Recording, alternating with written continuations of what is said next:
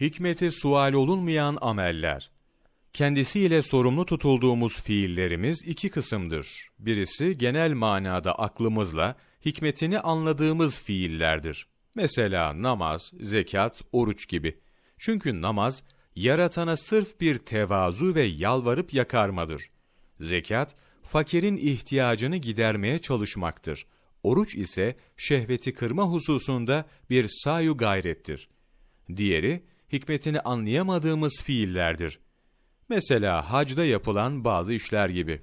Çünkü biz aklımızla şeytan taşlamanın, Safa ile Merve tepeli arasında say etmenin, remli yapmanın yani sayın bir yerinde koşar gibi yürümenin, ıstıba yapmanın yani ihramlı kişinin ihramını sağ koltuğunun altından geçirip sol omzunun üstüne atmasının hikmetinin ne olduğunu anlayamayız.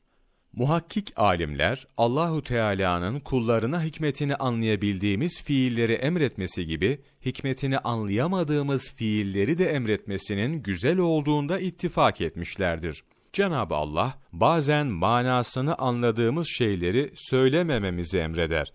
Bundan maksat da emredilen şahsın amirine teslimiyetini ortaya koymasıdır. Bunun bir başka faydası daha vardır. İnsan bir şeyin manasını iyice anladığında o şeyin tesiri kalpten gider. Ama o şeyi söyleyenin hakimler hakimi olan Allah Celle Celaluhu olduğuna kesin kes inanarak onun manasını anlayamazsa o insanın kalbi devamlı o söze yönelik olur ve devamlı onu düşünür. Çünkü mükellefiyetin, teklifin özü insanın sırrını Allahu Teala'nın zikri ve Kur'an'ı tefekkürle meşgul etmektir.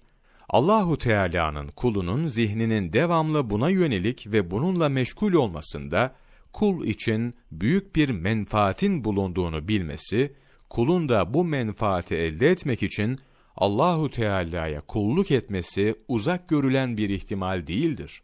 Fahruddin Errazi, Tefsiri Kebir, Mefatihül Gayb, Cilt 1, sayfa 415-416, 15 Ekim Mevlana takvimi